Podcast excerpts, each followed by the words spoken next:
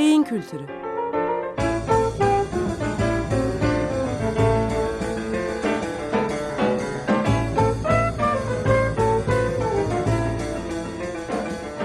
Tarihten, sanattan ve edebiyattan örneklerle beyin.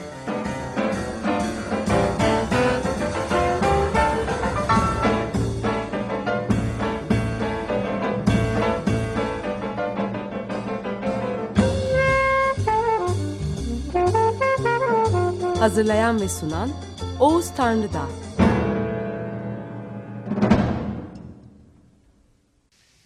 Merhabalar efendim. Beyin Kültürü programına hoş geldiniz.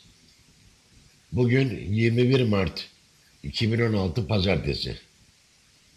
Ben Oğuz Tanrıdağ. Efendim bugünkü programda eee, hemen hemen her gün karşımıza çıkan ve bize bir gerçeklik algısı veren ve bu gerçeklik algısının belleğimize yerleşmesine yol açan eee, eksik, tamamlanmamış bilgi formlarından özellikle de bizle ilgili olan eee, benim beynin şehir efsaneleri dediğim türden eee, konulardan bir ikisinden söz edeceğim. Evet, öncelikle beynin şehri efsaneleri. Yani bir zamanlar gerçek olduğu sanılan ve o şekilde ifade edilen eee, bazı bilgilerin aradan yüzlerce yıl geçmesine rağmen inanılmaz bir şekilde zihnimizin kalıcı bilgileri arasında yerleşip bizi gündelik analizlerimizde, gündelik gayretlerimizde sürekli olarak e, yanlış yönlere, yollara sevk eden türden bilgiler. Beyinle ilgili olarak e, sanıyorum bunun en ünlüsü ve hemen hemen herkesin zihninde yer etmiş ola- olanı şu. Beynimizin yüzde onunu bilebiliyoruz. Beynimizin yüzde onunu bilebiliyoruz veya işlevsel anlamda beynimizin yüzde onunu çalıştırabiliyoruz. Bu bence gerçekten etkileri bakımından ve etkilerin süresi bakımından muhteşem bir şehir efsanesi.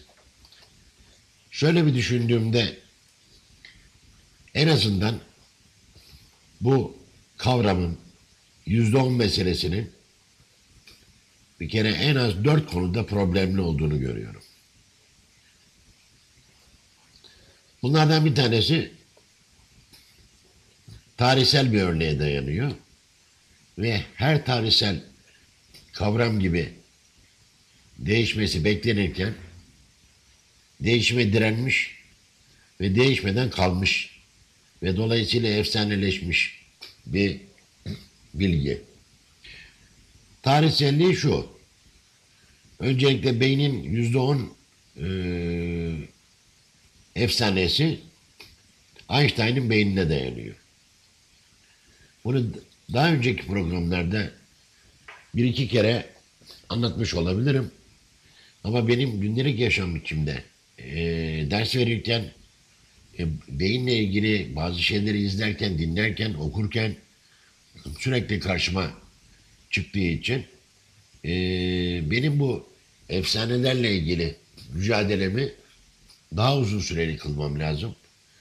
Dolayısıyla da bunu e, belki de bir farklı bir içerikle tekrar sunmak istiyorum. Einstein'ın beynine dayanıyor dedim. Hikayesi şöyle. Einstein ölümünden önce beynini bilime bağışlıyor. incelenmek üzere. Ve öldükten sonra da bilim dünyasında bu konuda hummalı bir faaliyet oluşuyor. Bilhassa patologlar arasında. Beyni inceleyecek olanlar öncelikle onlar olduğu için e, ve e, aslında çok etik ve sakin bir faaliyet de değil bu. E, kavgalı bir faaliyet. Etiğin dışına çok çık- çıkılmasına yol açan bir faaliyet.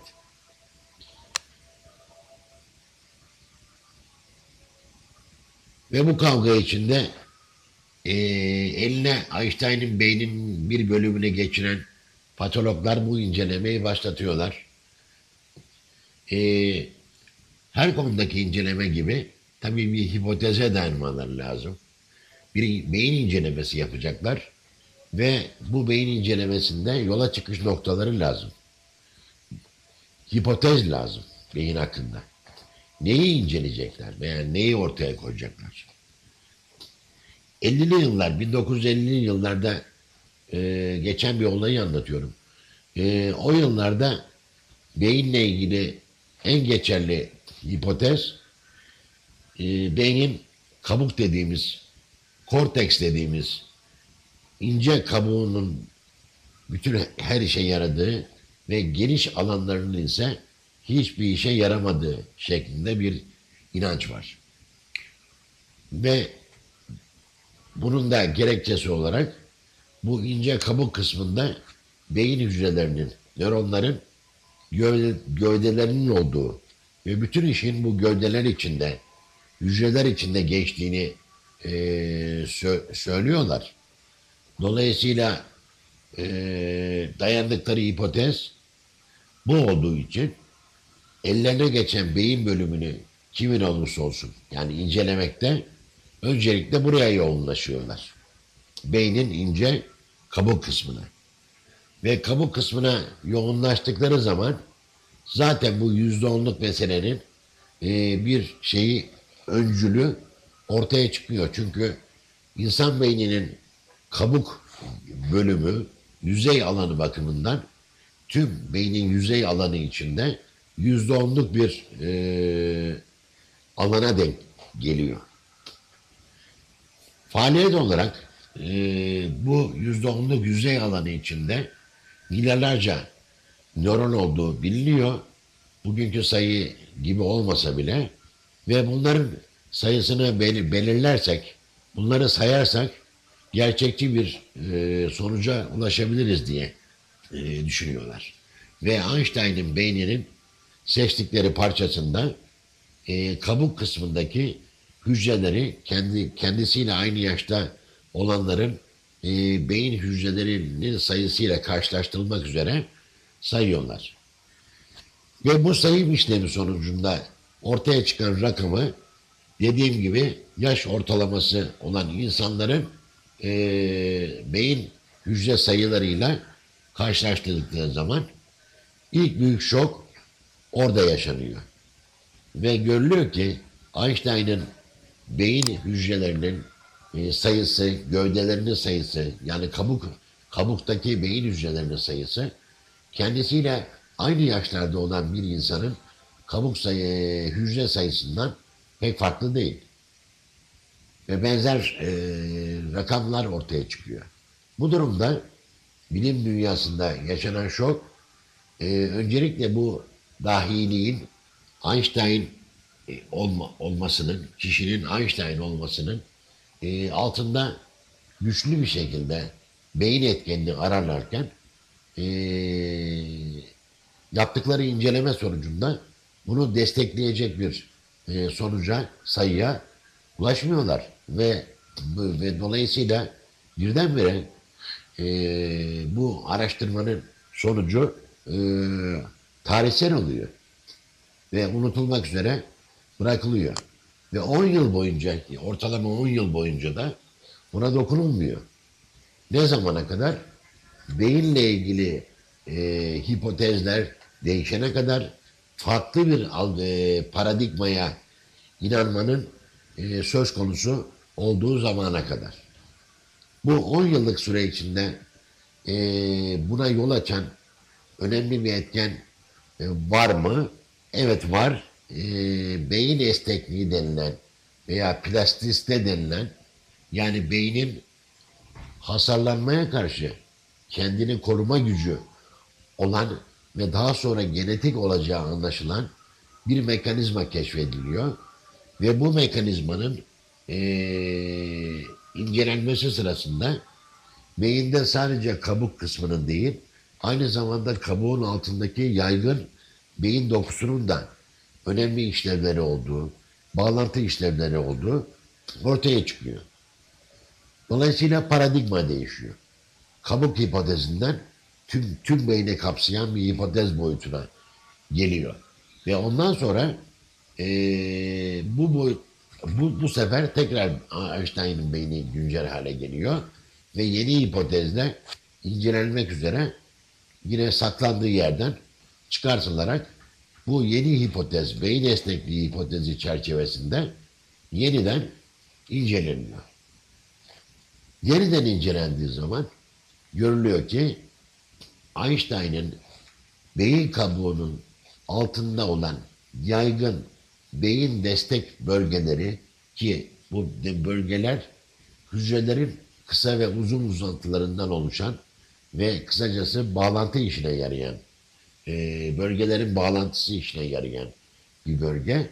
Bu bölgede yer alan bağlantı liflerinin Einstein'ın beyninde yine yaş kontrollü olarak iki misli fazla olduğu görülüyor.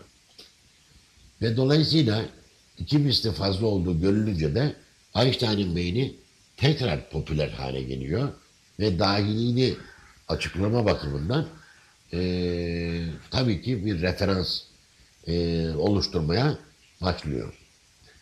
İlginç olan şu, eee 1960'lardan söz ediyorum. Yeni paradigmanın oluştuğu ve beyne uygulandığı o yıllardan beri yani yaklaşık 55-60 yıl geçmesine rağmen e, ne enteresandır ki e, bundan bir önceki eksik hipoteze dayalı bulgu e, halen kabul edilmiş durumda. E, kime sorarsanız sorun, hangi yaştan insana sö- sö- e, sorarsanız sorun, yüzde onu duymamış, duymamış bir insan yok.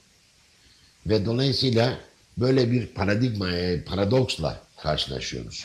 Yani aşılmış bir bilgiye insanların çoğu inanmaya devam ediyorlar ve daha yenisine e, inanmamayı veya bilmemeyi tercih ediyorlar.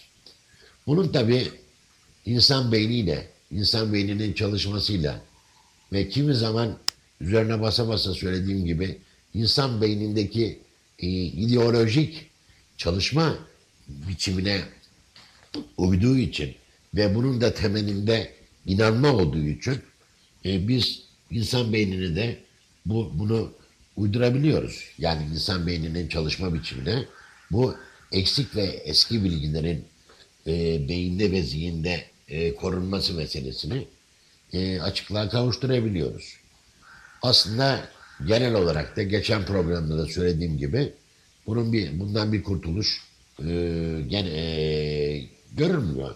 Bazı çok e, nadir insanların beyin işlemeleri ne rağmen e, çok yığınsal anlamda, kür beyni anlamında bundan pek kurtuluş görünmüyor. Yani adeta mahkum olduğumuz bir özelliğimiz bu. Yüzde onun tarihsel bölümü bu. Tarihsel hikayesi bu. İçerik olarak problemli. İçerik olarak problemli. Yani yüzde on beynimizin yüzde onunu biliyoruz. Yüzde onu çalışıyor.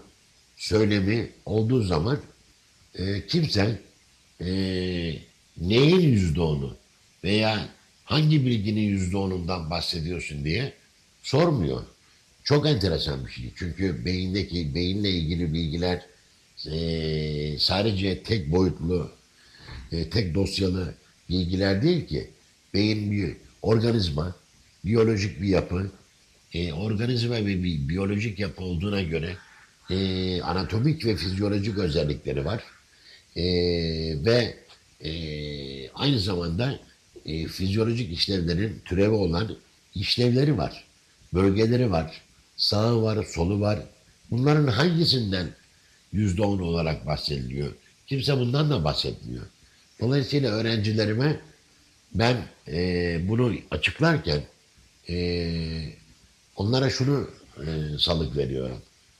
Birisi size beynimizin e, kaçta kaçını kullanıyoruz veya yüzde onunu mu kullanıyoruz diye e, bir soru sorarsa hemen ona hangi bilgi üzerinden e, bunu öğrenmek istiyorsun diye bir karşı soru sorunuz diyorum.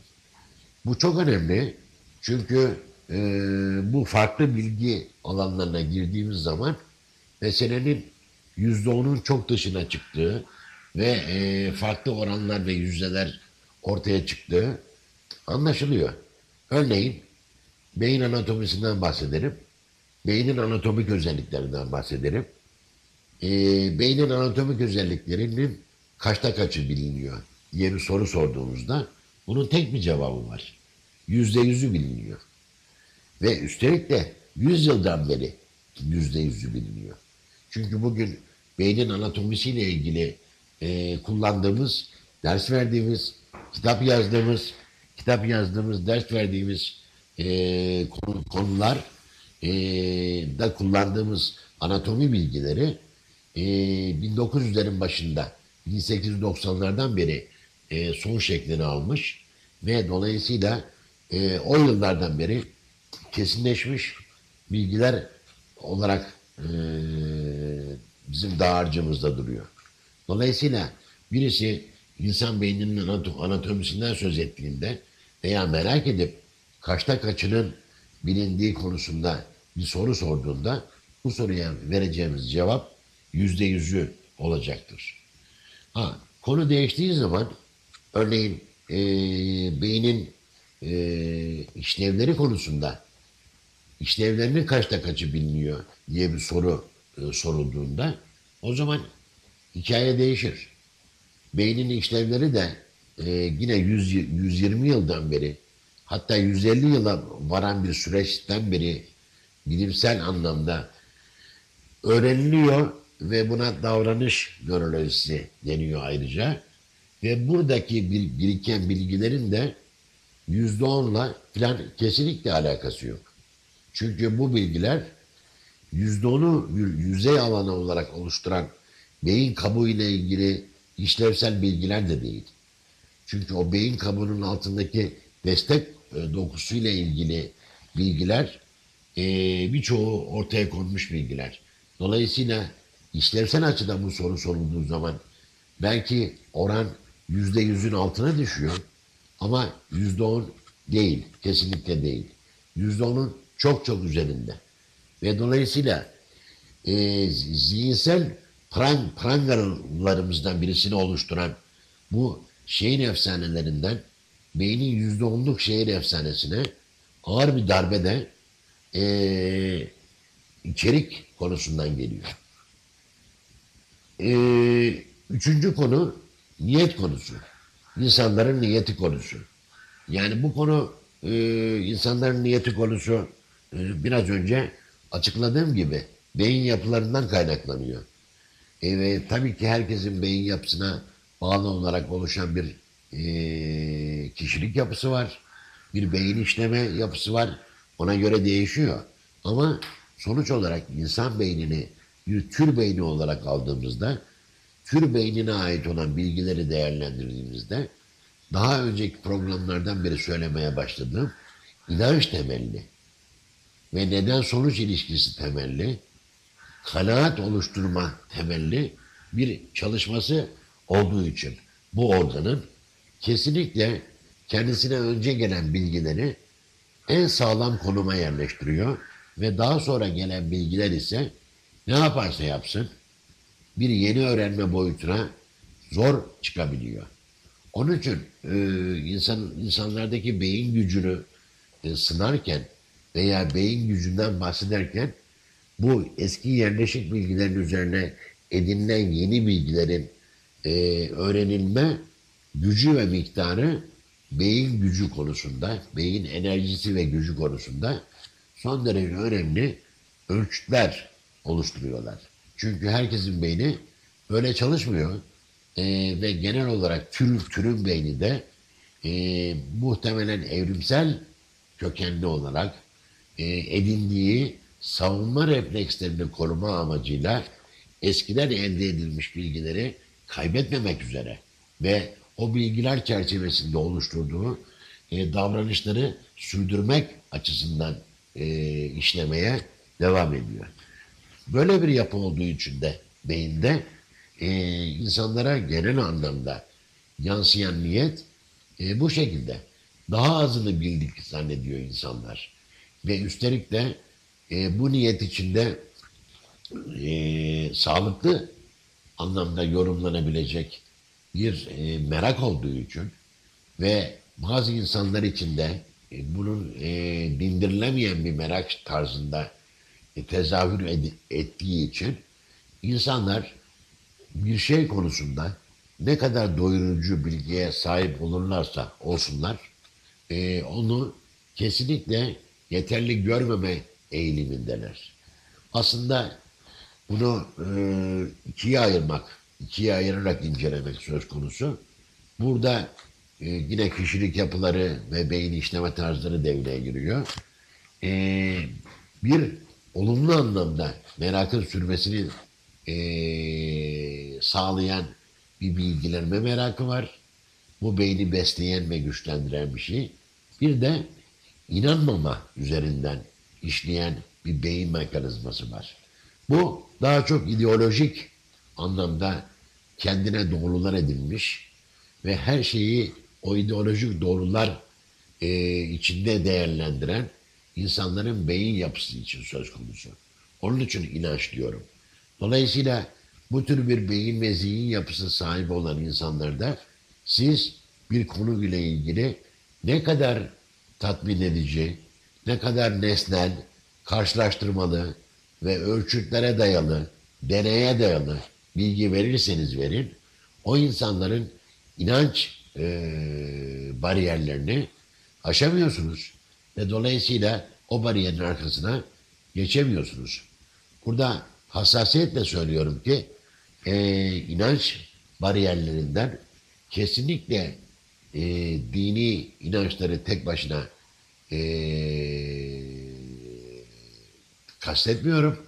Çünkü e, her konuda, politika konusunda, ekonomi konusunda, ahlak konusunda, tarih konusunda, sosyoloji konusunda, eğitim konusunda hangi konuyu seçerseniz seçin, kesinlikle e, yeni gelene ve yeni gelişene inanmayacak bir insan yapısı var.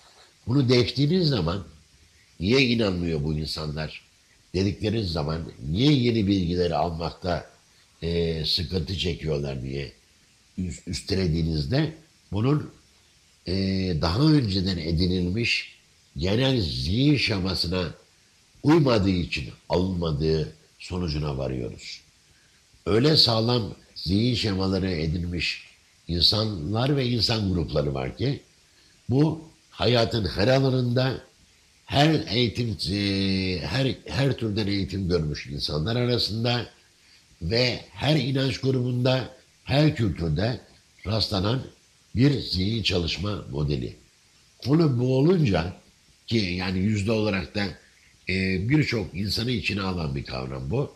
Konu bu olunca konu bu olunca e, siz beynin yüzde onundan daha fazlasını bildiğimizi ve beynin yüzde onundan e, fazlasının çalıştığını e, söylediğinizde e, hiçbir şekilde insanlar bunu kabul etmemekten yana bir tavır ve e, algı kapalılığı gösteriyorlar. Bu çok önemli bir problem. Beyin kültürü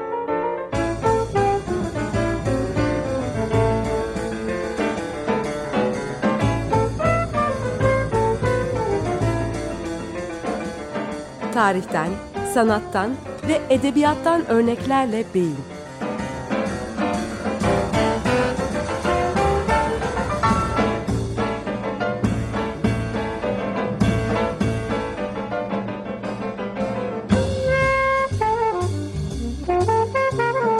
Hazırlayan ve sunan Oğuz Tanrıdağ. Açık Radyo program destekçisi olun. Bir veya daha fazla programa destek olmak için 212 alan koduyla 343 41 41